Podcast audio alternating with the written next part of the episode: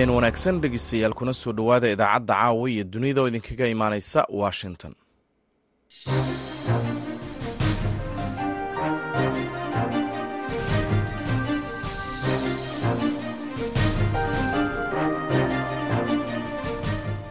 Waa fiidnimo axada bisha janaayo waa siddeed iyo labaatan sannadka labada kun iyo afar iyo labaatanka. Waxaad naga dhegaysanaysaan mawjadaha gaaggaaban ee lix iyo tobanka iyo sagaaliyo tobanka mitriban iyo bogga v o e somaali dtcom saacadda afrikada bari waa toddobadii fiidnimo. Idaacadda caawa iyo dunida waxaa idinla socodsiinaya anigoo ah maxamed bashiir cabdiraxmaan.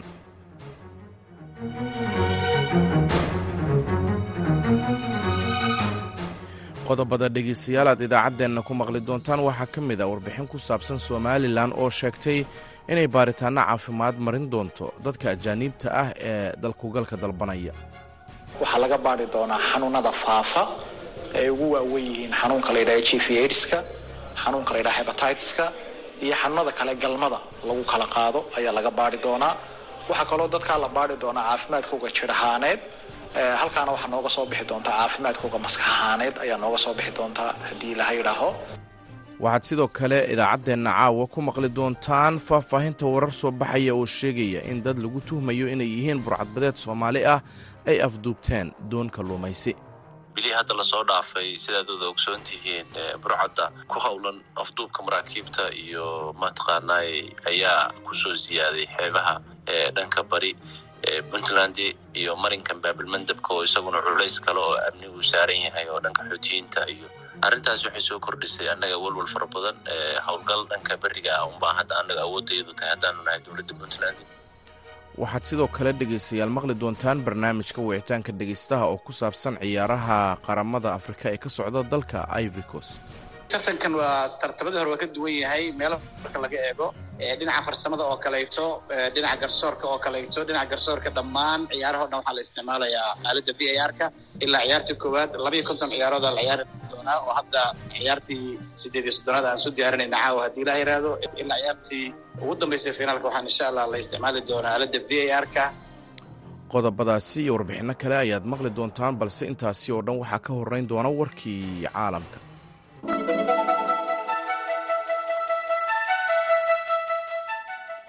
madaxa hay'adda sirdoonka maraykanka ee c i a iyo sidoo kale saraakiil sarsare oo ka tirsan masar qatar iyo israa'iil ayaa hadda maanta ah ku sugan magaalada baris iyagoo ka shaqaynaya xabajoojin ka dhacda khaza sida ay sheegeen saraakiil ku dhowdhow kulanka mas'uuliyiinta faransiiska ayaa sidoo kale la shaqaynaya afartan waddan iyagoo ujeedkoodu yahay in laga wada xaajoodo joojinta colaadda u dhexaysa israa'iil iyo kooxda falastiiniyiinta ah ee xamaas ee ka dagaalanta dhulka go'doonsan ee khaza sida ilawareedyadu ay sheegeen. Ilawareedka ayaa xaqiijiyey in warbixin uu toddobaadkii hore daabacay wargeyska washington post oo sheegaysa in madaxweynaha maraykanka joe biden uu dirayo agaasimaha c i a si uu isugu dayo inuu wadaxaajood ka galo sii deynta lahaystayaasha israa'iiliyiinta ah ee weli ku jira gacanta xamaas oo looga bedesho xabajoojin. Wargeyska the new york times ayaa sabtidii qoray in wadaxaajoodayaashu oo maraykanku hogaaminayo ay ku sii dhowaanayaan inuu dhaco heshiis dhigaya in israa'iil ay hakiso dagaalka ee ka wado khaza muddo laba bilood ah si xamaasna ay u sii deyso in ka badan boqol qof oo lahaystayaal ah dowladaha militariga ah ee dalalka burkina faso mali iyo niger ayaa hadda maanta ah ku dhawaaqay in sida ugu dhaqsiyaha badan ay uga baxayaan ka mid ahaanshaha urur goboleedka galbeedka afrika ee ekawas iyadoo ay sheegeen in ururkaasi uu khatar ku yahay dalalka xubnaha ka ah. Hogaamiyaasha saddexda dal ee ku yaalla gobolka saaxil ayaa waxa ay soo saareen bayaan ay ku sheegeen inay qaateen go'aankan masiiriga ah sida ugu dhaqsiyaha badanna ay uga baxayaan ururka dhaqaalaha ee galbeedka afrika dalalkani oo la halgamaya rabshadaha kooxaha dagaalada halkaasi ka wada iyo saboolnimo ayaa xiriir qallafsan waxa ay la lahaayeen ururka ekawas tan iyo markii dalalkaasi ay afgembiyadu ka dhaceen. Niger ayuu afgembigu ka dhacay bishii luuliyo ee sannadkii hore halka burkina faso uu ka dhacay labadii kun iyo labaiyo labaatankii maalina uu ka dhacay labadii kun iyo labaatankii. Saddexdan dal ayaa ka mid ahaa dalalkii aas-aasay ururka. Sanadkii kun sagaal boqol shan iyo toddobaatankii iyadoo ecowas ay xayirtay xubinimada dalalka niger iyo mali ayna ugu hanjabtay cunuqabateyn adag iyadoo ay doonaysay in dalalkani ay riixaan in dimuqraadiyadda dib loogu laabto. Ugu dambeynna xogayaha guud ee qaramada midoobay antonio guteres ayaa bayaan uu soo saaray axadda maanta ah ku sheegay in baaritaan uu sameeyey xafiiska qaramada midoobay u qaabilsan la socodka arrimaha gudaha oo islamarkiiba la howlgeliyey. Kadib markii ay soo baxeen eedeymo ah in labaiyo toban ka mid a shaqaalaha hay'adaha gargaarka ay iyo shaqada ee qaramada midoobay oo ah hay'ad u qaabilsan qaxootiga falastiiniyiinta ay ku lug lahaayeen weeraradii argagixiso ee xamaas ee ku qaaday israa'iil toddobadii oktoobar guteres ayaa waxa uu sheegay in guddoomiyaha guud ee anwa philip lazarani uu islamarkiiba aqoonsaday kana joojiyey shaqada sagaal ka mid ah. Dadka ay arrintani khusayso hal qof ayaa la xaqiijiyey inuu dhintay waxaana caddeyn loo raadinayaa haybta laba qof oo kale sida uu sheegay xogayaha guud shaqaale kasta oo ka tirsan qaramada midoobay oo lagu helo inuu ku lug lahaa fal argagixisanimo ah waa lala xisaabtami doonaa ayuu guteres ku yidhi. Qoraal uu soo saaray waxayna mutaysan doonaan ciqaab. Bishii janaayo toddobiyo tobankeedii ayaa anwa waxa ay ku dhawaaqday in ururka lagu sameeyey dib u eegis buuxda oo madax bannaan ayuu yidhi guteres wasiirka arrimaha dibadda israa'iil katis ayaa waa israa'iil kats ayaa sabtidii ugu baaqay onwa in la bedelo hay'ad u helan loona bedelo hay'ad u helan nabadii horumarka dhabta ah. Qoraal uu soo dhigay baraha bulshada ayuu katis ku booriyey in dalalku ay ku daydaan maraykanka australia canada britain talyaaniga friedland iyo dalal kale uu joojiyey maalgelinta hay'addaasi. Ilaa hadda sagaal wadan ayaa hakiya dhaqaalihii ay siin jireen hay'adda onwa warkii dunidana dhegeystayaal waa naga intaa markana waxaad ku soo dhawaataan qeybaha kale ee idaacadda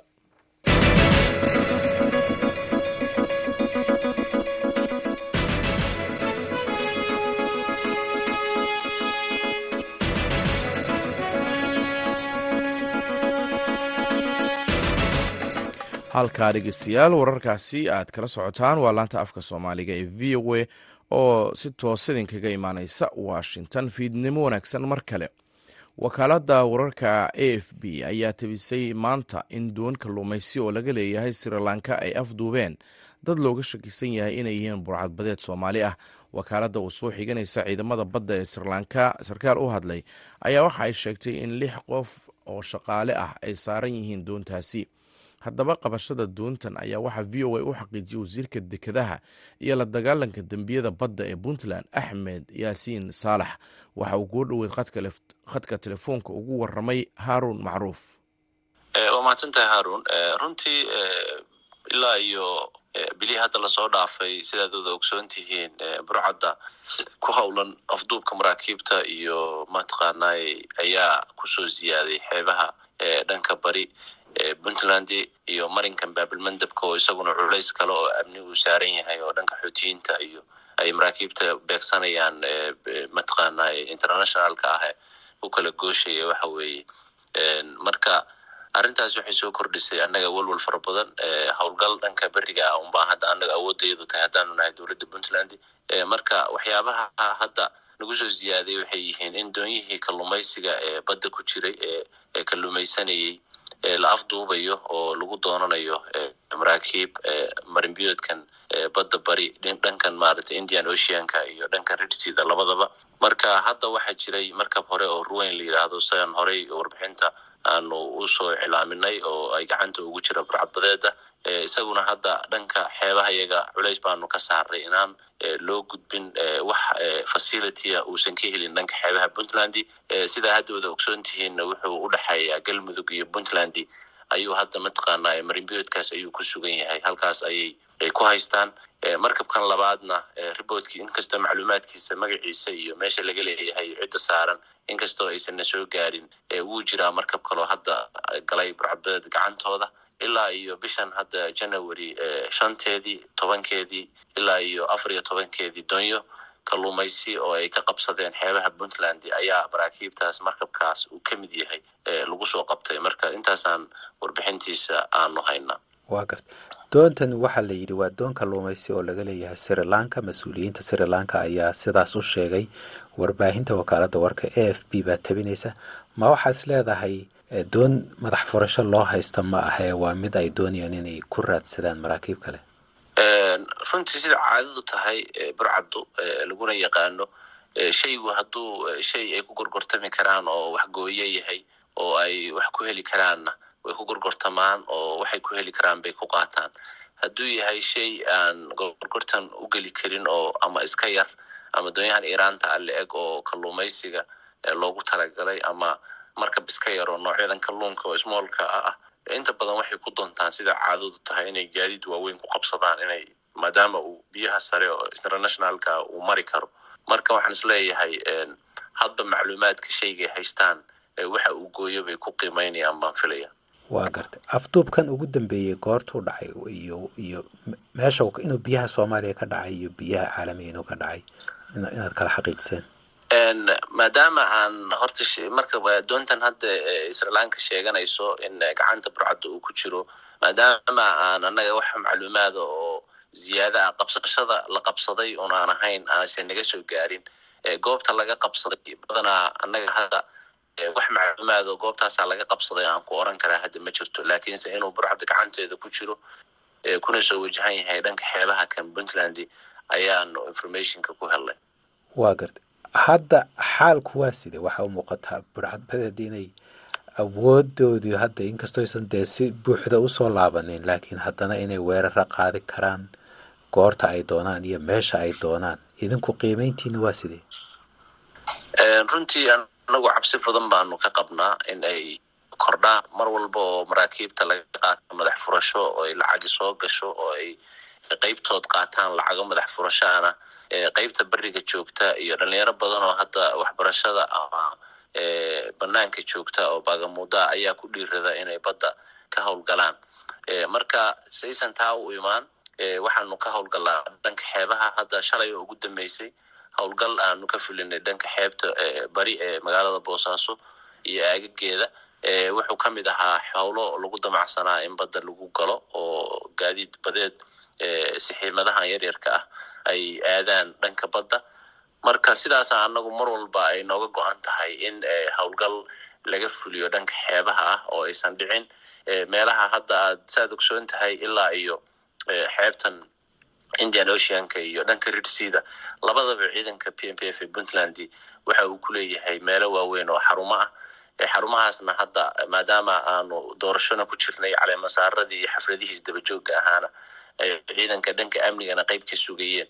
Waxaanu isleenahay insha allahu hadda wixii ka dambeeya inaanu u dhanka xeebaha inaan howlgal buuxa laga fuliyo si aysan u dhicin inay isku urursadaan oo ay ka howlgalaan marka arrinta noogu weyne anagu waa taas laakiin beesha caalamka iyo mataqaanay wada shaqaynta aanu leenahay ilaalada amniga badda nagala shaqeeya sida ciidamada navyga ah oo maraakiibta badda joogta ay communicationka aanu leenahay. Waxaanu gudbinay in wax badan nalaga caawino sida mataqaanay waxyaabaha baahiyaha ah ee facilityga aanu ku howlgelayno. Marka hadda hawsha meel fiican bay maraysaa. Waxaan rajaynaynaa insha allahu inaanu iska kaashano sidii arrintaasi horey loogu tirtiray inaanu cagta u marino. Waaye su'aasha igu dambaysa waxaad ka hadashay xiisadan ka taagan gacanka cadmeed iyo badda cas weeraradan xoutiyiinta iyo colaada ku soo kordhay sidee bay u saamaysay xeebaha puntland? Annaga runtii horta gaadiidka soo aada puntland amaba dhankan soomaaliya hadday noqoto berbera boosaaso iyo muqdishoba waa gaadiid runtii ka soo baxa waddamada khaliijka ah oo aanu xiriir ganacsi la leenahay. Inta badan marka maaha gaadiidka bartilmaameedka ah oo isagu hadda wax cabsiya oo ay ama u soo aadaan tikadahan boosaaso iyo ma jiraan gaadiidkaasi gaadiid donyo iyo badanaa tikeda boosaaso wayba ka sii xag jirtaayo. Waa tiked aad ugu dhow waxa weeye waddamada khaliijka ah marka badanaa doonyahan yaryarkaa maadaama ay badda ridsi ku taalo oo bad aad u degan oo aan gaadiid kasta uu awood u leeyahay inuu la soo maro xamuulka ayay ku taallaa marka annaga dhankayaga saameyn fara badan oo dhanka dhaqaalaha nagumaysan yeelan laakiin annaga waxaanu cabsi ka qabnaa in bulshadan ku howlan faldembiyeedka gaadiidka afduubashadiisa ah hadda markay waayaan gaadiidka internationalka ee badaha waaweyn u dooranayaan waxay ku soo hoos noqonayaan waa gaadiidkii ganacsiga ka gooshayay waxa weye tekadaha wadanka oo dhan. De xeebtan dheer oo ilaa iyo meesha la yidhaahdo muqdisho ilaa iyo kismaayo waxa weeye de internationalka gaadiid fara badan baa maraya oo dhankan indian oceankaba burcad way ka doonaysaa gaadiidka. Marka gaadiidkan ka leexday marinbiyoodkan baabulmandab mar walba wuxuu halis ugu jiraa burcadda ka aadaysa dhanka xeebaha soomaaliya inay bartilmaameed ka dhigtaan. Iyagu mar walba accessibilitygii baddan weyno nagu xeeran way uleeyihiin mar walba marka waxaan rajaynaynaa insha allahu in beesha caalamku ay ilgaara ku eegto khataraha ka soo socda burcadda hadda dib uga abuurmaysa puntland oo gacanna laga siiyo oo runtii maadaama sawdku ay al-shabaab iyo kooxaha argixisada ah ay baahi weyn ugu qabaan oo culays ay ku hayaan annagana hadda waxaa muuqata in burcaddu ay noqonayso waxyaabaha goboladan puntland gaar ahaan ay bartilmaameedka u noqon doonto inay hadday sidan ku sii jiraan inay kacdoon sameeyaan oo laba kacleeyaan oo noqdaan kooxo halis geliya waxa marinkan. Kaasina waxa uu ahaa wasiirka dekedaha iyo la dagaalanka dembiyada badda ee puntland axmed yaasiin saalax oo u waramayey haaruun macruuf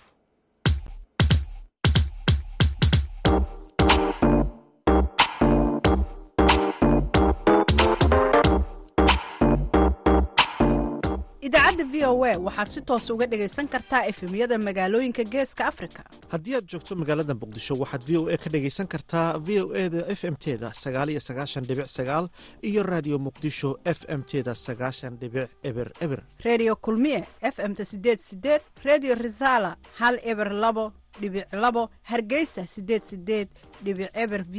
haddii aad kismaayo joogto v o e da waxaad ka dhegaysan kartaa raadiyo sooyaal f m sideed sideed dhibic eber gobolka hiiraan hiiraan weyn f m sagaashan megaherts redio baydhaba siddeetan iyo sagaal dhibic shan f m. Haddii aad joogto puntland v o a waxaad ka dhegaysan kartaa s b c radio boosaaso siddeetan iyo sagaal dhibic sagaal f m qardho siddeetan iyo sagaal dhibic sagaal f m isla mawjadahaasi waxaad ka dhegaysan kartaa waaciya iyo garowe. Wajeer waxaad naga dhegaysan kartaa star f m sagaashan iyo toddoba mandheera waxaad naga dhegaysan kartaan star f m sagaashan dhadhaab waxaad naga dhegaysan kartaan star f m sagaashan iyo iyo sagaashan afar. Waxaa kaloo aad naga dhegaysan kartaan boqol f m. Xagar dheerna waxaad naga dhegaysan kartaa sagaashan f m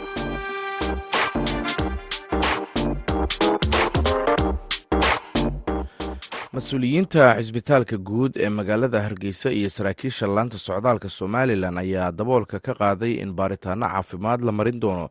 Dadka ajaaniibta ah ee fiisaha soo dalbanaya iyo kuwa hadda ku sugan magaalooyinka somalilan taasi oo qayb ka ah si loo hubiyo badqabka caafimaad ee shaqaalaha ajaaniibta ah. Warkan waxaa hargeysa ka soo diray khadar maxamed cakulle mas'uuliyiinta ciidanka laanta socdaalka somalilan ayaa markii ugu horraysay waxay amar ku soo rogeen in dadka ajaanibka ah ama shisheeyaha ah dalbanaya dalkugalka somalilan ama fiisaha ay muhiim tahay in ay qaataan warqadaha badqabka caafimaadka taas oo ay iska kaashanayaan cisbitaalka guud ee magaalada hargeysa. Sida uu sheegay gaashaanle sare cabdi saleebaan aadan oo ah hoggaanka howlaha xafiiska fiisaha somalilan isagoo tilmaamay in ciidamada laanta socdaalka somalilan ay heshiis wada galeen wasaaradda caafimaadka ee somalilan oo wakiilatay cisbitaalka guud ee magaalada hargeysa. Waxaa wasaaradda caafimaadka gaar ahaan agaasimaha guud ee cisbitaalka guud ee hargeysa iyo agaasimaha ku-xigeenku ay naga codsadeen si loo hubiyo qabka caafimaadka dadka ajaanibka ah ee imanaya wadanka iyadoo laga taxadarayo cudurrada faafa ee dadku isqaadsiiyo maadaama ay meelo badan ka kala imanayaan dadka ajaanibka ay wadamo badan ka imanayaan kuwa dalxiis u imanaya kuwa shaqo u imanaya kuwa waxbarasho u imanaya kuwa ay noocay doonaanba ha u yimaadeene maadaama ay meelo badan ka imanayaan xanuuno badan oo khatar ah oo dunida ka jira iyo kuwo faahfaabana ay jiraan la baadho dadka ajanabiga ah ee wadanka imanaya noocay doonaanba ha ku yimaadeen maadaama ay khataraha badani jiraan. Dadkeenuna u nugul yahay oo caafimaadkiisu inta badan aanay meelaha kontaroolkoodu adag yahay aanay joogin. Dadka ajanabigana wadanka ku faafayaan in la kontaroolo caafimaadkooda si aanay dadka cudurrada faafa wadanka u soo gelin ama dadka u qaadin. Markii la isla eegay dhul badan baa wadanka laga soo galaa xuduudaha laga soo galaa eerbooradaha laga soo galaa dekedaha laga soo galaa. Muhiimadu waxa weeye meel walba caafimaad lama geen karo meel walba laguma jeegarayn karo oo waa ballaaran yahay wadankii waxaa isla qaadanay in lagu kontaroolo marka ay qaadanayaan sharciga ay resident ciqaamada qaadanayaan ee meel dadkaas ay u soo dhammaado broseska sharciga ciqaamada ay ku qaadanayaan ama fiisa kordhinta ku qaadanayaan ee amigrashka guud ee somalilan ay imanayaan agaasimaha guud ee cusbitaalka guud ee magaalada hargeysa doctor cabdiraxmaan maxamed cusmaan ayaa dhinaciisa farta ku fiiqay sida ay u hirgelinayaan hawshan. Waxaanu maanta halkan ku shaacinaynaa ama ku daahfuraynaa annaga oo kaashanaynaa hay'adda socdaalka somalilan ama immigration departmentka. Barnaamij ah in la baadho caafimaadka dadka ajaanibka ee somalilan soo gala dadka ajaanibkaa ee noo shaqeeya oo meelo kala duwan oo magaalada degan ama waddankaba ka shaqeeya dadkaasi waxay isugu jiraan qaar caafimaad qaba iyo runtii qaar xanuunsanaya labadaba. Adduunkana marka laga hadlayo dowlad kasta ama waddan kasta dadkiisa soo gala weydiista ciqaamada ama residenceka weydiista qof aan caafimaadkiisa la baadhin lama siiyo ciqaamada ama residenceka lama siiyo agaasimaha cusbitaalka guud doctor cabdiraxmaan maxamed ayaa tilmaamay sida ay doonayaan in ay xanuunnada uga baadhaan goobta lagu baadhayo iyo xanuunnadaasi la baadhaya kuwaay isbitaalka weyne hargeysi waxaanu aada ugu faraxsannahay ama mabsuud ka nahay sida wanaagsan ee hay'adda socdaalka ay noola shaqayso ee barnaamijka noola fahantay markii aanu ula tagnay barnaamijka inaanu samaynayno annagoo ka wakiila wasaaradda caafimaadka iyo cisbitaalka weyne hargeysa. Dadka iman doona ee ajaanibka waxaa laga baadhi doonaa xanuunada faafa ay ugu waawen yihiin xanuunka la yidhaha g v aidska xanuunka la yidhaha hebatideska iyo xanuunada kale galmada lagu kala qaado ayaa laga baadhi doonaa waxaa kaloo dadkaa la baadhi doonaa caafimaadkooga jir ahaaneed halkaana waxaa nooga soo bixi doontaa caafimaadkooga maskax ahaaneed ayaa nooga soo bixi doontaa haddii laha yidhaaho xirfadlayaal lagu kalsoon yahay iyo shaybaadhka cisbitaalka weyne hargeysa ayaa baadhi doona. Qofkii ka gudba caafimaadka unbaa xaq u yeelan doona in la siiyo deganaanshaha ciqaamada wadanka uu ku joogayo. Deganaanshahaasi markuu ka dhaco qofkaasi wuxuu mari doonaa mar labaad hadduu soo dalbado ciqaamad kale in caafimaadkiisa haddana la hubiyo. Dadka caafimaadkoogu aanu wanaagsanayn ee leh xanuunada ama faafa ama xanuunada kale ee bulshadeena khatarta ku ah wadanka ka shaqayn maayaane dadka caafimaadka qabun baa inoo shaqayn doonaa. Waxaanu saa u samaynaynaa waxa weeyaan ka hortagga ayaa ka muhiimsan daaweynta. Khadar maxamed cakule v o e hargeysa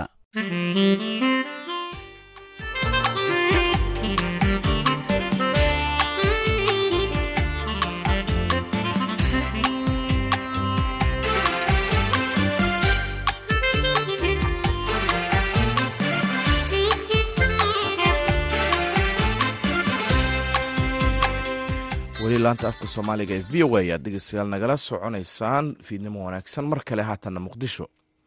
Shirweynihii lixaad ee garsoorka dalka oo maanta ka furmay magaalada muqdisho ayaa looga hadlay sidii loo tayeyn lahaa garsoorka soomaaliya waxaana shirka ka qayb galay mas'uuliyiinta hay'adaha garsoorka iyo xubno ka tirsan labada aqal ee baarlamaanka warbixintan waxaa muqdisho ka soo diray xasan kaafi cabdiraxmaan qoyste xeraalyaha guud ee qaranka doctor suleymaan maxamed oo ugu horeyn madasha ka hadlay ayaa sheegay in halkudhigga shirka garsoorka ee sanadkani uu yahay kaalinta garsoorka uu ku leeyahay maamul wanaagga iyo la dagaalanka musuq wuxuuna dhanka kale soo hadal qaaday tirada kiisaskii kala duwanaa ee dacwadahoodu soo gaaray hay'adaha garsoorka dalka.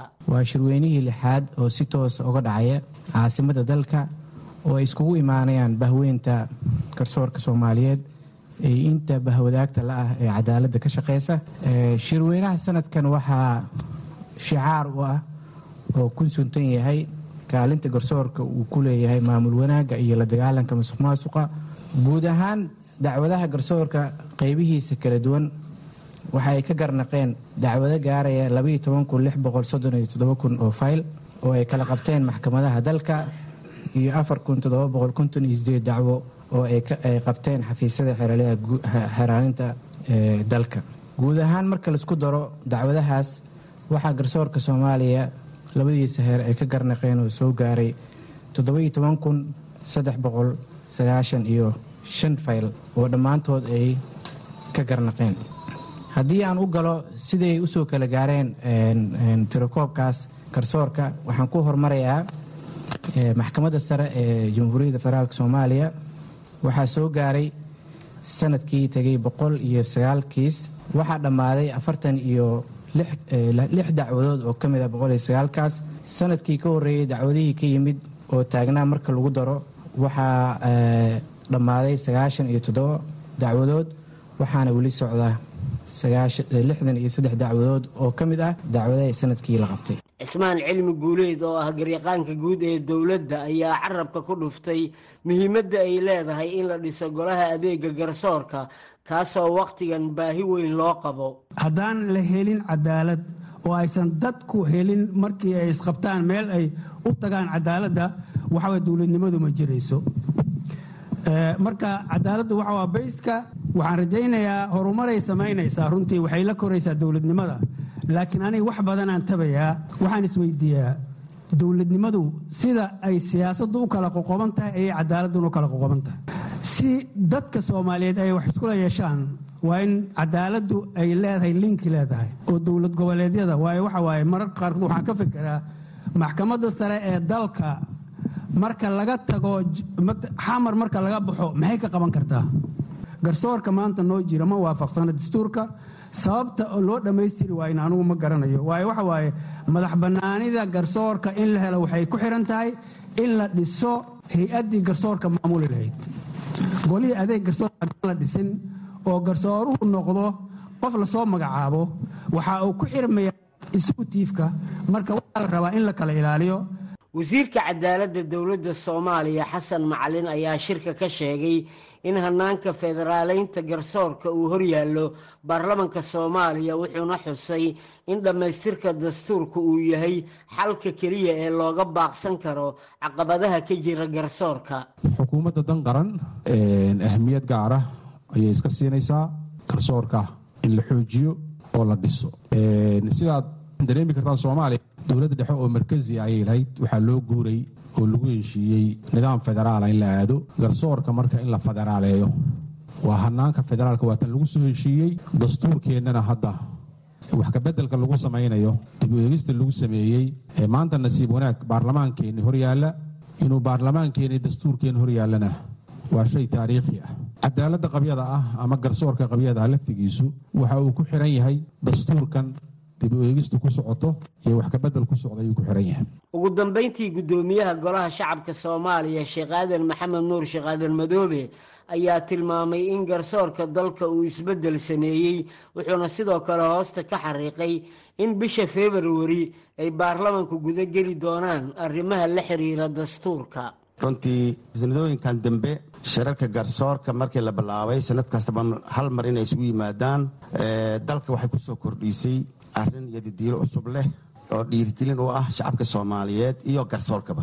Garsoorka waa lafdhabarka dowladnimada waana ognahay weli ma dhammaystirna dhismihiisi. Waxaa ka maqan hay'addii adeega garsoorka maxkamaddii dastuuriga. Intaas dhan oo runtii aad iyo aad muhiim u ah waa ka maqan yihiin. Laakiin si kastaba ha ahaatee waxaan ognahay isbeddel inuu ka jiro dastuurkeen garsoorkeeni muddadan dambe oo mas'uuliyiinta hadda joogta maaragtay runtii waan ugu hambalyaynayaa isbeddelka la taaban karo ay ku sameeyaan garsoorka. Hadda waxaana horyaalaa oo loo baahan yahay inaan ku dhiirino dastuurkii qaranka oo kumeelgaarnimada laga saaro. Waxaana bilaabi doonaa bishan febraayo dhexdeedan waxaan bilaabi doonaa in dastuurka qodob qodob loo gudgalo hadduu ilaah yidhaahdo. Xasan kaafi qoyste v o a muqdisho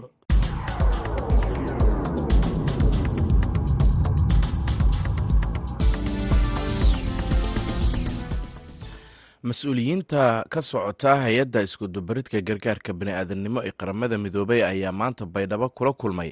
Mas'uuliyiinta heer gobol arrin la xiriirta dhibaatooyin ay sababeen fatahaadaha ka jira gobolka shabeellaha hoose iyo gacansiinta dadka barakacayaasha ah.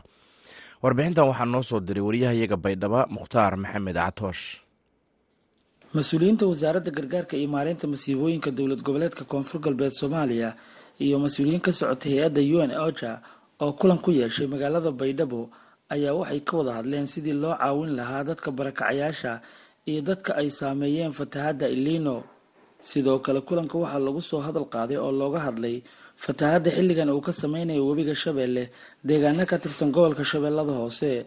Wasiirka gargaarka iyo maareynta masiibooyinka dowlad goboleedka koonfur galbeed soomaaliya naasir cabdi caruush oo saxaafadda la hadlay kulanka kadib ayaa sharaxay qodobada ay ka wada hadleen madaxda u n oja.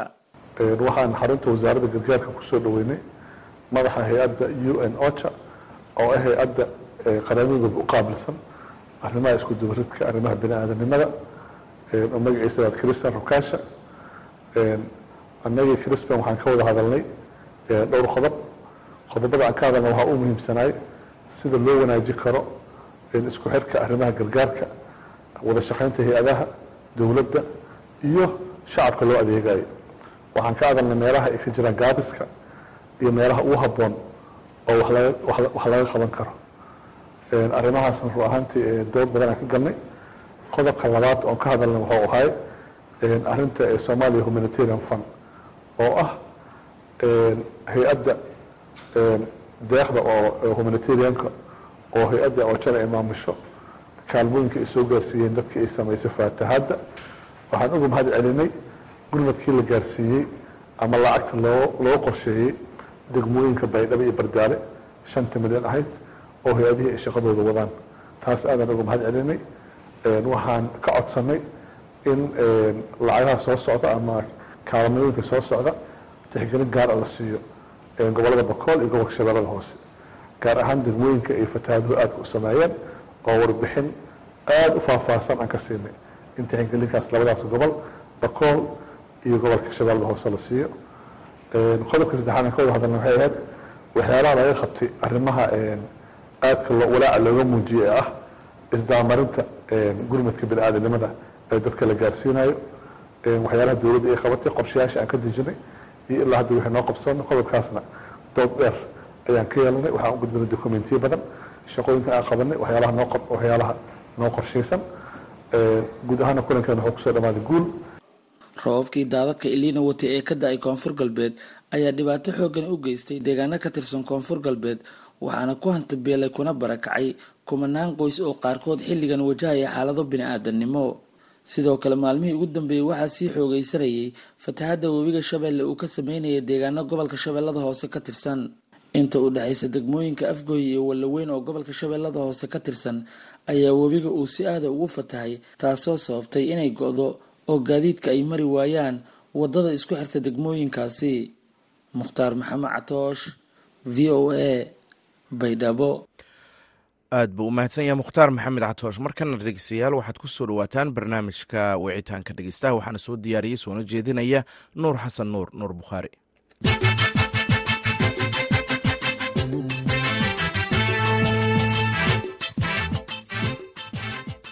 kulanti wanaagsan dhegaystayaal kuna soo dhowaada barnaamijka wicitaanka dhegaystaha. Dalka ivorcos ee galbeedka afrika waxaa si xiise leh uga socda tartanka kubadda cagta ee koobka qaramada afrika. Tartankan oo ah kiisii afar iyo soddonaad ayaa bilowday saddex iyo tobankii bishan januari waxaana lagu wadaa inuu dhammaado koob iyo tobanka bisha soo socota ee febraayo. Hadda waxaa isugu soo haray lix iyo toban waddan waxaana wareegani laga rabaa inay ka soo gudbaan siddeed koox haddaba tartanka sanadkan muxuu uga duwan yahay kuwii ka horreeyey maxay dalalka bariga afrika ugu yaryihiin ka qaybgalka koobkan? Yaa ku matalaya soomaaliya tartanka. Rajada xulka kubadda cagta ee soomaaliya ee ka qaybgalka mustaqbalka dhow ee tartankan intee ayay gaarsiisan tahay? Su'aalahaasi iyo kuwo kale ayaa waxaa nooga jawaabi doona cali maxamed axmed cali siciid oo xubin ka ah guddiga garsoorka kubadda cagta qaaradda afrika sidoo kalena ah guddoomiyaha garsoorayaasha bariga iyo bartamaha afrika. Cali waxa uu hadda ku sugan yahay magaalada abijaan ee caasimadda dalka ivorcos oo ay ciyaaraha ka socdaan. Gudoomiye cali siciid ku soo dhawow barnaamijka wicitaanka dhegeystaha ee v o a. Waa ku dhowahay nuur aada umahadsan tahay adiga iyo asxaabta v o a da waa idin salaamaya. Waa ku dhowahay adiga mudan bal marka hore inta aanan tartanka u gelin heerar kala duwan ayaad ka soo gaartay dhanka garsoorka haddii ay ahaan lahayd soomaaliya afrika iyo weliba xiriirka kubadda cagta adduunka ee fifa. Bal si kooban noogu faahfaahay heerarkaas waa mahadsan tahay nuur aada umahadsan tahay magacaygu waa cali maxamed axmed ku magac dheer saciid sidaan kuu sheegay.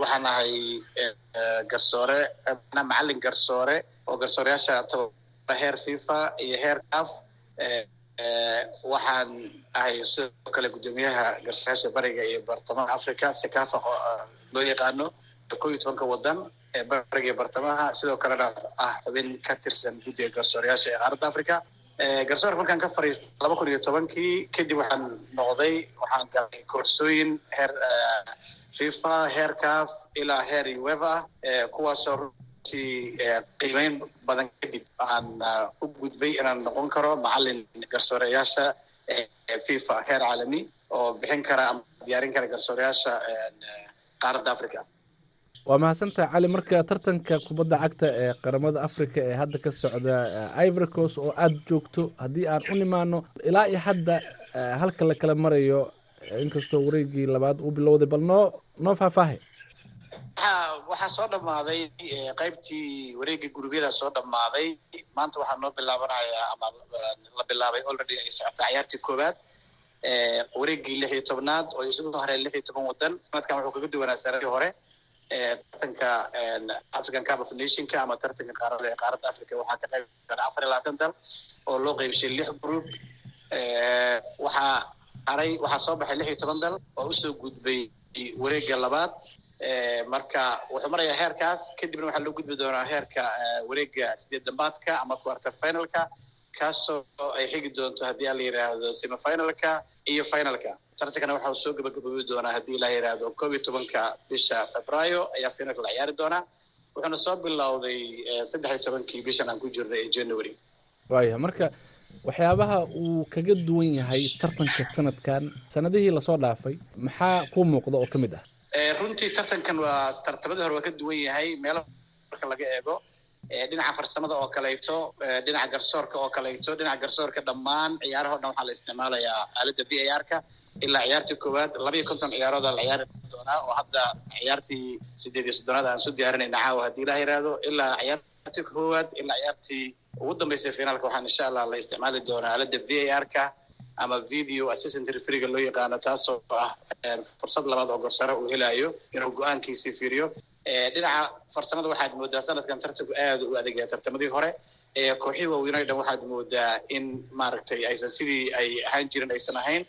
Ma jirto maanta koox yar ma jirto maanta koox la dhigi karo waa liidataa kooxdan kooxa yara kooxa aan saa loo aqoon jirinaa soo baxay oo wareegga u soo gudbay. Kooxo waaweynna waa hareen kooxo waaweynaa ku haray wareegga hore kooxa kaleo aan sida angool oo kale way soo baxday. Wareegga lix iyo tobankii u soo gudubtay verde oo iyadu gruubkeeda uga soo baxdaba group b uga soo baxday maaragtay kaalin kaalinta ugu horeysa adiga waa kooxo badanaa jira oo soo baxay maanta oo runtii aad la yaab sameeyey kubaddooda cagta ay u horumartay.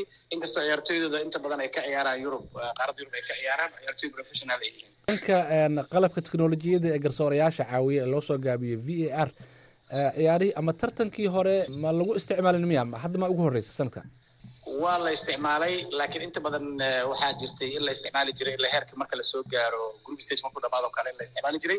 Laakiin hadda completely dhammaan tartamada dhan waa la isticmaalaya. Inkastoo tartankan uu yahay tartanka ugu sarreeya qaaradda africa laga qabto tartanka qaramada qaaradda africa marka garsoorayaashana waxaa loo tababaray ama la diyaarinaya muddo waxay soo mareen ilaa dhowr kooras tartanku intuusan bilaaban waxaan isugu keenay magaalada caasimadda ee waddankan ivory coast ee abidjan toban cisho ka hor. Toban cisho ka hor taasoo lagu tababarayay maalin habeen calaaskii lagu tababarayay practicalkii lagu tababarayay aaladan iyo u isticmaali lahaayeen.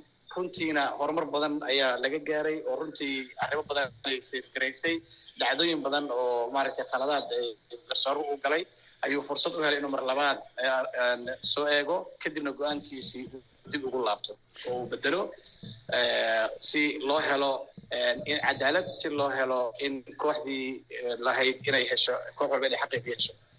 Waaya dhanka garsoorka su'aal xiise leh oo dhegeystayaal badan ay sugayaan ayaan kaaga hayaa. Laakiin weli aan ka hadalno dhanka kubadda cagta iyo xulalka ciyaaraya. Dhinaca bariga africa oo soomaalidana ay ka soo jeedo tanzania ayaan filayaa inay matalayso oo keliya. Marka weli maaragtay xulalka ama dalalka bariga africa waa ku liitaan miya tartanka africa waa mahadsan tahay waddamada bariga africa sanadkan waxaa matalayay oo soo gudbay sida aad sheegtayba kooxda waddanka tanzania runtii ciyaartoy aada u fiican ay haysteen tiam aada u dhisanay ahaayeen. Hal dhibaataa gaartay. Macalinkoodii coachkii cayaartii u horeysay baa xoogaa garax la kulmay. Laakiin runtii waxay muujiyaan ciyaar aad u wanaagsan laakiin nasiib darro uma soo gudbin wareegga labaad ee lix iyo tobanka. Wayna u fududeyd aaday u fududeyd maadaama fursaduhu badnaayeen sababtoo ah marka la fiiriyo lix gruub lixda gruub waxaa ka soo baxayay min laba afar kooxood ayaa lagu darayay oo ahaa kooxaha ugu maaragtay ugu horreeya oo kooxaha aan kaalimaha koowaad iyo labaad gelin. Marka fursado badanaa jiray runtii oo lagu soo gudbi karay si lix iyo toban looga dhigo wareegga lix iyo tobanaadka loo soo gudbo marka wayna wanaagsanayeen runtii waxaan dhihi karnaa runtii kubadda cag oo u sarreysay ciyaareen farsamadooda aad u sarreysay. Sidaan hore kugu sheegana kooxuhu dhammaan way isku dhawaayeen farsamo ahaan. Koox weyn ma jirin koox yara ma jirin. Inkastoo waddanku aad u kulul yahay oo cimilada aad u kulushahay sida aad aragtay oo maaragtay la qaato waxaa loo yaqaano cooling down ama isqaboojinta ciyaartoyda ay isqaboojiyaan ilaa habeenkii xitaa mar la qaato. Meelaha qaarkood kuleelkaas ayay ciyaartoyda inta badan ka sheeganayeen. Marka ciyaartoyda professionalka oo kale xitaa si uma ciyaarin sidii xirfadoodii si fiican sababto ah kuleel cimilada waddanku aad u kulul darteed waayahay marka dhanka garsoorka haddii aan imaano waxaa ka mid tahay madaxda garsoorayaasha africa tartankan waad joogtaa waxyaabihii ilqabadka lahaa ee soomaalidu ku farxeen waxaa ka mid ahaa garsoore cartan oo maaragta wacdaro ka dhigay. Marka ma markii ugu horreysay baa garsoore soomaali ah oo ciyaaraha africa qabta waa tahay xilligii burburkii ka dambeeyey waa garsoorihii ugu horreeyey oo heerkan soo gaara. Runtiina inta aanan u gelin horta waxaan rabaa inaan u hambaliyeeyo ummadda soomaaliyeed meel kastoo joogaan gaar ahaan ummadaha ummadda jecel sboortiga shacabka jecel sboortiga ummadda cagta gaar ahaan. Runtii sanadkan in calankeena uu ka muuqdo tartanka qaramada qaaradda africa oo runtii garsoore soomaaliya uu ku jiro kaalimaha weliba ugu horreeya isagoo ilaa hadda qabtay dhexda laba ciyaarood. Insha allah ciyaar kalena hadda ku qoran oo maaragtay loo magacaabay. Meeshaana waa garsoore waxaa lagu qiimeeyaa hadba kartidiis inta ay la-eg tahay imtixaanad badan ay soo mareen. Si fudud kuma imaanin diyaargarow fara badanaa jiray dhowr sano soo socday. Runtiina waxay noo tahay xiriirka soomaaliya kubadda cagta iyo anigaba waxay noo tahay runtii farxad weyn inaan maanta haysano garsoore matala waxaanan aad u jeclahay insha allah sanadaha soo socda inaan ka badino tirada intaa oo hal garsoor naguma filla. Aan helno insha allah tiro intaa ka badan. Haddii aan shaqayno sida ay tahay aan u shaqaynan insha allah waa heli karnaa haddii aan la yidhaahdo waana runtii guul weyn oo ummadda soomaaliyed u soo hoyatay cumar waa dadaalay shaksiyan aqoontiisa dhisan tahay laakiin fursadda uu helay runtii aad uga faa'iidaystay oo garsooryaal badan aysan helin. Marka aad fiir wadamo waaweyn ayaan garsooryaal ka imaanin. Sida nigeria oo kaleeto oo waxyaabaha ay qoreen oo media ay ku qoreen ay ka mid ahayd annaga waddamada soomaaliya o kale garsoore ka yimid annagoo intaasoo boqol iyo intaasoo laba boqol iyo intaasoo milyan garsoore naga imaan. Marka waad dareemi kartaa farxadda iyo dareenka ay ku abuuri karto bahda kubadda cagta. Runtii waanu isugu hambalyaynaynaa dhammaanteen. Waxaanu rajaynaynaa insha allah inaan badino oo fursaddu maanta waxay ku xiran tahay qofka hadba waxqabadkiisa iyo runtii qayb kamida furayaasha oo ah inuu qofku v arka garsoore uu ku shaqayn karo marka fursadahaas oo dhan ayaa yaalla insha allah waxaan isku dayayna inaan soo saarno garsoore inta ka badan haddii ala oo magaca soomaaliya. Ku matela tartamada insha allah qaramada qaaradda africa sanadaha soo socda. Iyo haddii ilaah yidhaahdo inoo suuro gasho oo waktiguna siiyo biidnillah tartanka koobka adduunka ee ka dhici doona waddamada maraykanka iyo canada iyo mexico sanadka laba kun iyo lix iyo insha allah waayahay marka dhegeystayaasha aanan fursad u helin in ciyaarihii uu garsoore cumar uu dhexdhexaadiyey. Haddii aad u sheegto ciyaarahaas labada kulan ee uu dhexdhexaadiyey. Labada kulan oo dhexdhexaadiyey ciyaartii koowaad algeria iyo namibia inay hadaan jecla runtii aad ciyaar aad u qurux badan u qabtay. I mean tunisia tunisia iyo namibia ciyaar aad u qurux badan u qabtay runtii aad loola yaabay. Ciyaartiisii labaadna waxay ahayd ciyaartii habeenadood uu qabanayay oo maaragtay algeria iyo ciyaarayeen marka runtii anaga waxaan qiimeynaa performancega garsoorahan qiimeynaa waxqabadkiisa ciyaarta u maamulay sida uu ula shaqeeyo v r-ka sida uu ula shaqeeyo assistantga sida uu feejigan yahay sida uu u ahaan karo garsoore lagu aamini karo ciyaaraha. Taasaa keentay marka inuu hore u socdo. Rag badan oo waxaa jira garsoorayaasha jooga halkan aan fursad u helin xataa hal ciyaar inay qabtaan kuna jiray selectionkii. Garsoore fara badan oo ilaa toddobaatan gaaraya ayaan ayaan u magacawnay tartankan guddiga garsoorka qaaradda africa ahaan runtiina wuxuu ugu jira hadduusan kaalimaha kaalinta kuwaad ahayn kaalimaha ugu horreeya ku jira. Marka waa sharaf weyn inoo tahay sidaan hore u sheegay waana runtii waxaan ku faani karno. Waa mahadsan tahay khadka igu jir doorka dhegeystayaasha ayaan geli doonaa. Dhegeystaha ugu horreeya ayaan jeclahay in aan soo dhaweeyo. Waa idin salaamay. Bahda v o a. Waa cabdullah siciid oo jooga muqdisho. Gudoomiye cali siciid waxaan weydiin lahaa sanadihii dhowaa soomaaliya waxaa mooday in horumar ka sameysay isboortiga gaar ahaan kubadda cagta. Haddii ay ahaan lahayd garsoorka iyo xulka qaranka dhalinyarada maxaa isbedelay xaggeesa gaari karnaa mustaqbalka dhow. Waa mahadsan tahay runtii waa su'aal muhiima waa run sanadihii la soo dhaafay runtii soomaaliya waxay ka mid ahayd waddamada aad looga hadalhayo dhanka kubadda cagta.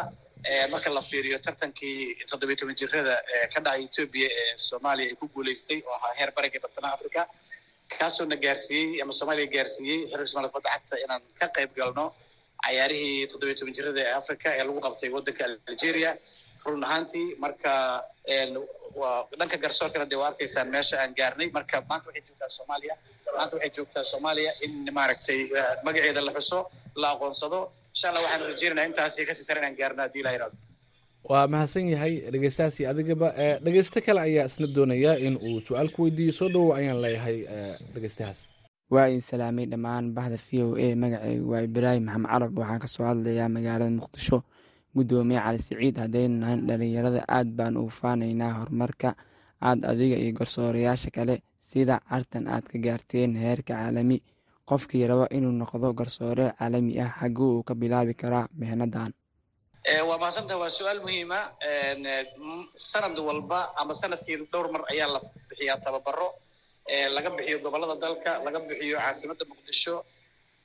Tababarkaasi ayuu ka qayb gelayaa hadba heer uu marayaa heerar kala duwan ilaa cayaaraha heerka hoos dugsiyada uu qabto ciyaaraha dhalinyarada uu qabto qofku ilaa cayaaraha heerka heerka koowaad uu u soo gudbo iyadoo qof walba ku xiran aqoontiisa iyo kartidiisa.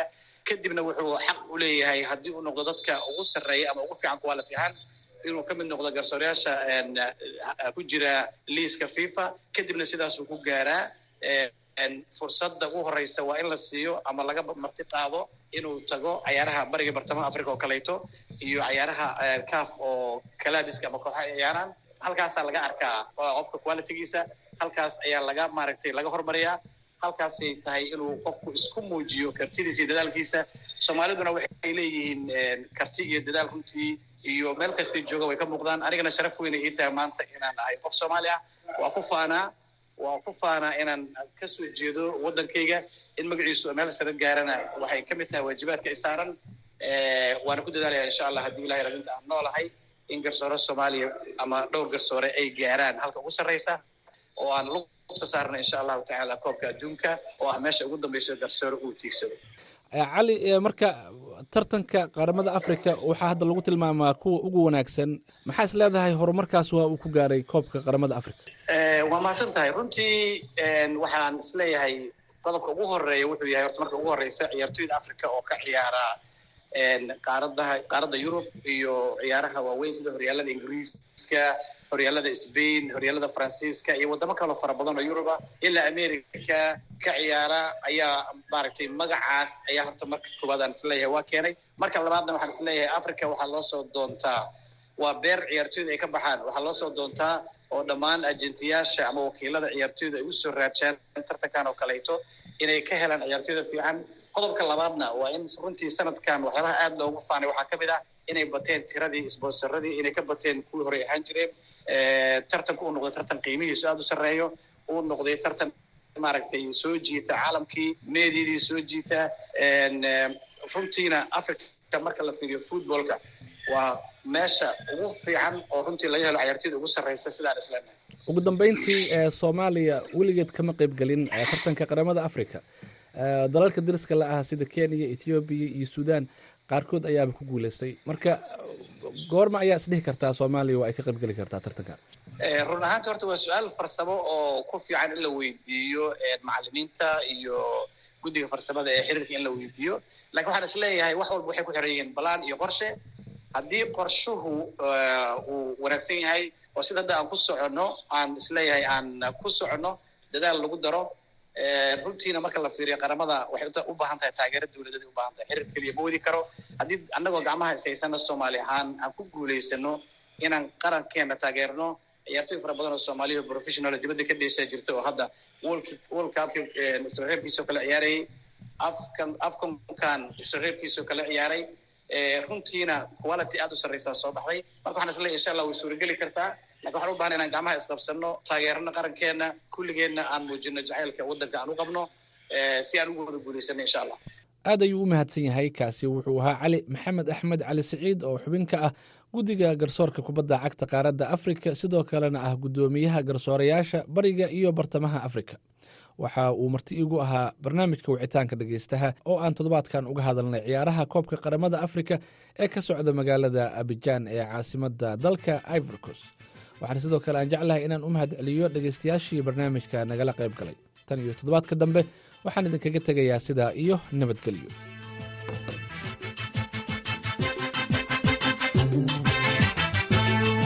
Mahadsanid nuur xasan nuur nuur bukhaari oo nala socodsiinaya barnaamijkaasi halkaad nagala socotaana waa laanta afka soomaaliga ee v o a oo si toos idinkaga imaaneysa washington. Maamulka gobolka wajeer ee waqooyi bari kenya ayaa xariga ka jaray mashruuc lagu shaqaaleynayo ilaa shan boqol oo dhalinyaro ah oo ka shaqeyn doona naafada magaalada waa nadaafadda magaalada wajeer iyo warshad dib u habeynta bacaha ah oo dowladdu ay sheegtay inuu isticmaali doonto dib u dhiska howlaha guud ee magaalooyinka. Warbixintan waxaa wajeer ka soo diray maxamed faarax shire. Mashruucan iyo dowladdu waxay ku sheegtay inay doonaysa inay kor ugu soo qaado dhaqaalaha countiga wajeer dhallinyarada ku dhaqan shan boqol dhallinyaro kor u dhaafaysa ayaynu sheegtay in wejiga kuwad lagu bilaabayo. Waxauu mashruucani dulucdiisu noqonaya nadiifinta magaalooyinka gobolka waxayna sheegeen dhammaan qashinka laga aruurin doono magaalooyinka ay noqon doonaan kuwo dib loo isticmaalo sida uu sheegayo. Axmed cabdulaahi jiir gobernatoraha countiga wajeer oo xariga ka jarayay munaasabadaasi. Marka barnaamijkan waxaan rabnaa inaan magaalada ku nadiifino cali garoobka lagu jaro balastic oo idaa lagu aruuriyaan rabnaa balastic baabuura ayaan bixinaynaa. Balastic lagu aruuriyo. Balasticga waxaa loo samaynaa warshad. Warshadii waxaa la dhisi hayaa. Hadda meeshii la dhigi lahayaa la dhisi hayaa. Balasticga warshadda waa la keeni insha allahu tacaala laba wiig saddex wiig gudahooda inay ku imaadaan qaybaynaa waxaan rabnaa balastic in laga soo saara. Boloogii guryaha lagu dhisay. Boloogaasi waxaan rabnaa inaan ku samayno. Ugu horrayntii in aan ku dhisno. Bolooga meesha ka soo baxa boqol iyo kow classroom oo e c d aan rabna inaan ku dhisno mudane axmed ayaa waxa uu sheegay in culaysya fara badan dadka soomaalida gobolkan iyo guud ahaan soomaalida deegaanada ay degaanba ay ka qabaan. Dhanka horumarka weliba ka shaqaynta adeegyada farsamada iyo weliba howlaha kale gacanta iyo maskax maalka u badan wuxuuna sheegay in haatani loo baahan yahay dhankaasi loo wada tillaabsado soomaalida waxaa la dhahaa inta badan shaqo adag ma jeclo. Inta soomaali ay degan tahay oo ay ku jirto waqooyi bari oo ay ku jirto soomaaliya ilaa iyo hargeysa oo ay ku jirto soomaaliya etoobiya boqolkiiba sagaashan qof soomaali oo dhagax qaada oo saara markiis shaqo adag oo soomaali jeceshaan waxaan ka arkay waardiya. Watchman anoqdu ay ku leeyihiin laakiin war dhismaha meeshaan ka socotay kaaligal haddaa lagu dhaha ma ogolo shaqadii xafiiskiina waa yaraatay polytechnic inay tagaanaan rabnaa. Oo ay soo bartaan siday gacantooda wax u qabsadaan. Waxaa loo baahan yahay maanta technician. Koronto xir ayaa loo baahan yahay. Kutubo xir ayaa loo baahan yahay barnaamijyaha soo socda inta badan waxaa weeyaan wax gacantaada wax ku qabsee axmed maxamed gobernatoore ku-xigeenka countiga wajeer. Oo isaguna goobtaasi ka hadlaya waxa uu sheegay in mashruucani wax badan uu ka bedeli karaa nolosha. Dhalinyarada gobolka wuxuuna sheegay in haatani loo tillaabsanayo isbeddel in lagu sameeya dhanka horumarka dhaqaalaha iyo caafimaadka guud ee gobolka. Yacni waxaa badan dad badan oo tabaalaysan oo baahidooda ay isbarkatay oo magaalooyinkanaga ku nool baahidaa darteed waxay sababtay dad badan inay maandooriyaasha iyo wixii lamida ay ay ka howlgalaan macnaha ay shaqa ka dhigtaan. Nadaafaddii magaaladan ay hoos u dhacdo. Shaqala-aan xunna oo baahsanna way ka jirtaa waddankani way ka jirtaa meelo badan oo waddanka kenya way ka jirtaa. Si guud ahaan bay adduunweynaha ooga jirtaa laakiin si khaas ahaaneed countigan iyo ismaamulkan way ka jirtaa. Marka mashruucani waa mashruuc kooban muddo koobanna socon doona sacdiya cabdi oo ka tirsanay saraakiisha sarsare countiga wajeer oo halkaas iyaduna ka hadashay ayaa waxay sheegtay in mashruucani wax badan uu ka bedeli karo. Dhaqan dhaqaalaha iyo weliba habka dhalinyarada gobolka ay u nool yihiin. Markii la sameeyey daraasaad waxaa soo baxay wajiha county dhalinyarada in ay fara badan tahay. Dhalinyaradii badneedna ay ka jirta unemployment ama shaqo la'aan in ay jirto waxaan u malaynayaa waxaan joogo intii wax akrisatay intaa wax akrisan dhanba dowladda lagama wada qori kara. Laakiin waa in hab lagu shaqogeliyo ayagana ay wax ka helaan ku mashquulaan isku niyadooda ay geliyaan in la helo. Maadaama dhalinyarada ay u badan tahay wajiya. Waxaa soo baxday in mashruucan loo loo loogu laga raba in ay ka faa'iidaystaan dhalinyarada iyo dumarka in ay ka faa'iidaystaan. Waxay ugu faa'iidaysanayaan waxaa marka dhulkaagii kliingarey waxna ha lagugu siiyo. Waa iskaa wax u qabso marka. Maxamed faarax shire v o a garisa mahadsanid shire markana dhegeystayaal waxaan idiin soo qabanaynaa codadka axmed cali cigaal iyo faadumo cabdulaahi kaahin maandeeq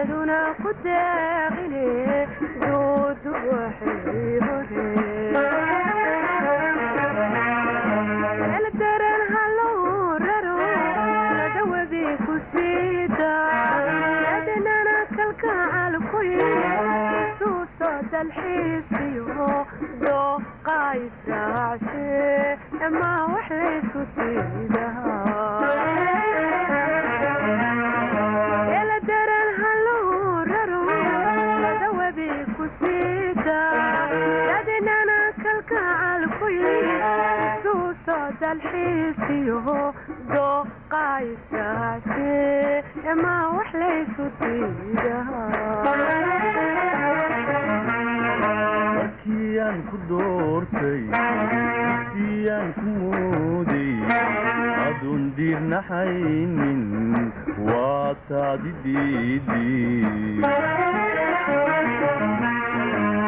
diidimarkiyaan ku doortay siyaan ku mooday. Aduun diirnaxaynin waa taadi diidi durdurkii markuu guray daqsintii la saansaday dabayluhu ku qaadeen igu nuqu haddaad tidhi u dulqaadan maaye ha igu daalini durdurkii markuu guray daqsintii la saansaday dabayluhu ku qaadeen igu nuqu haddaad tidhi u dulqaadan maaye ha igu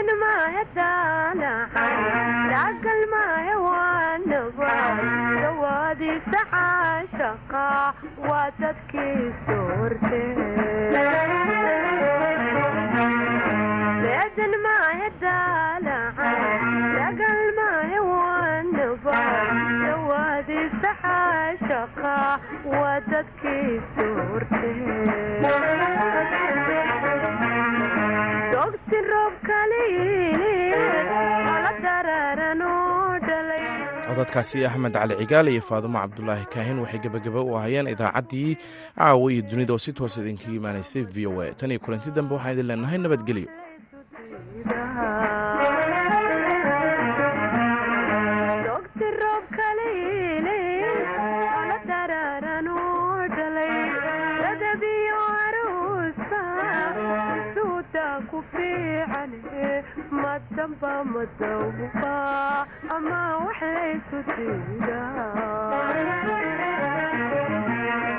qoraad dhiiranayda shalay diricsanayda maantana ku daabarto dambaa ku run sheegtigoraad dhiiranayda shalay diricsanayda maantana ku daabarto dambaa ku run sheegtay kayna ruuxi qaadaba dayn baa u yaale weli digashadaadiyo sow dhaafka caashaqa iibu soo xasuusiyey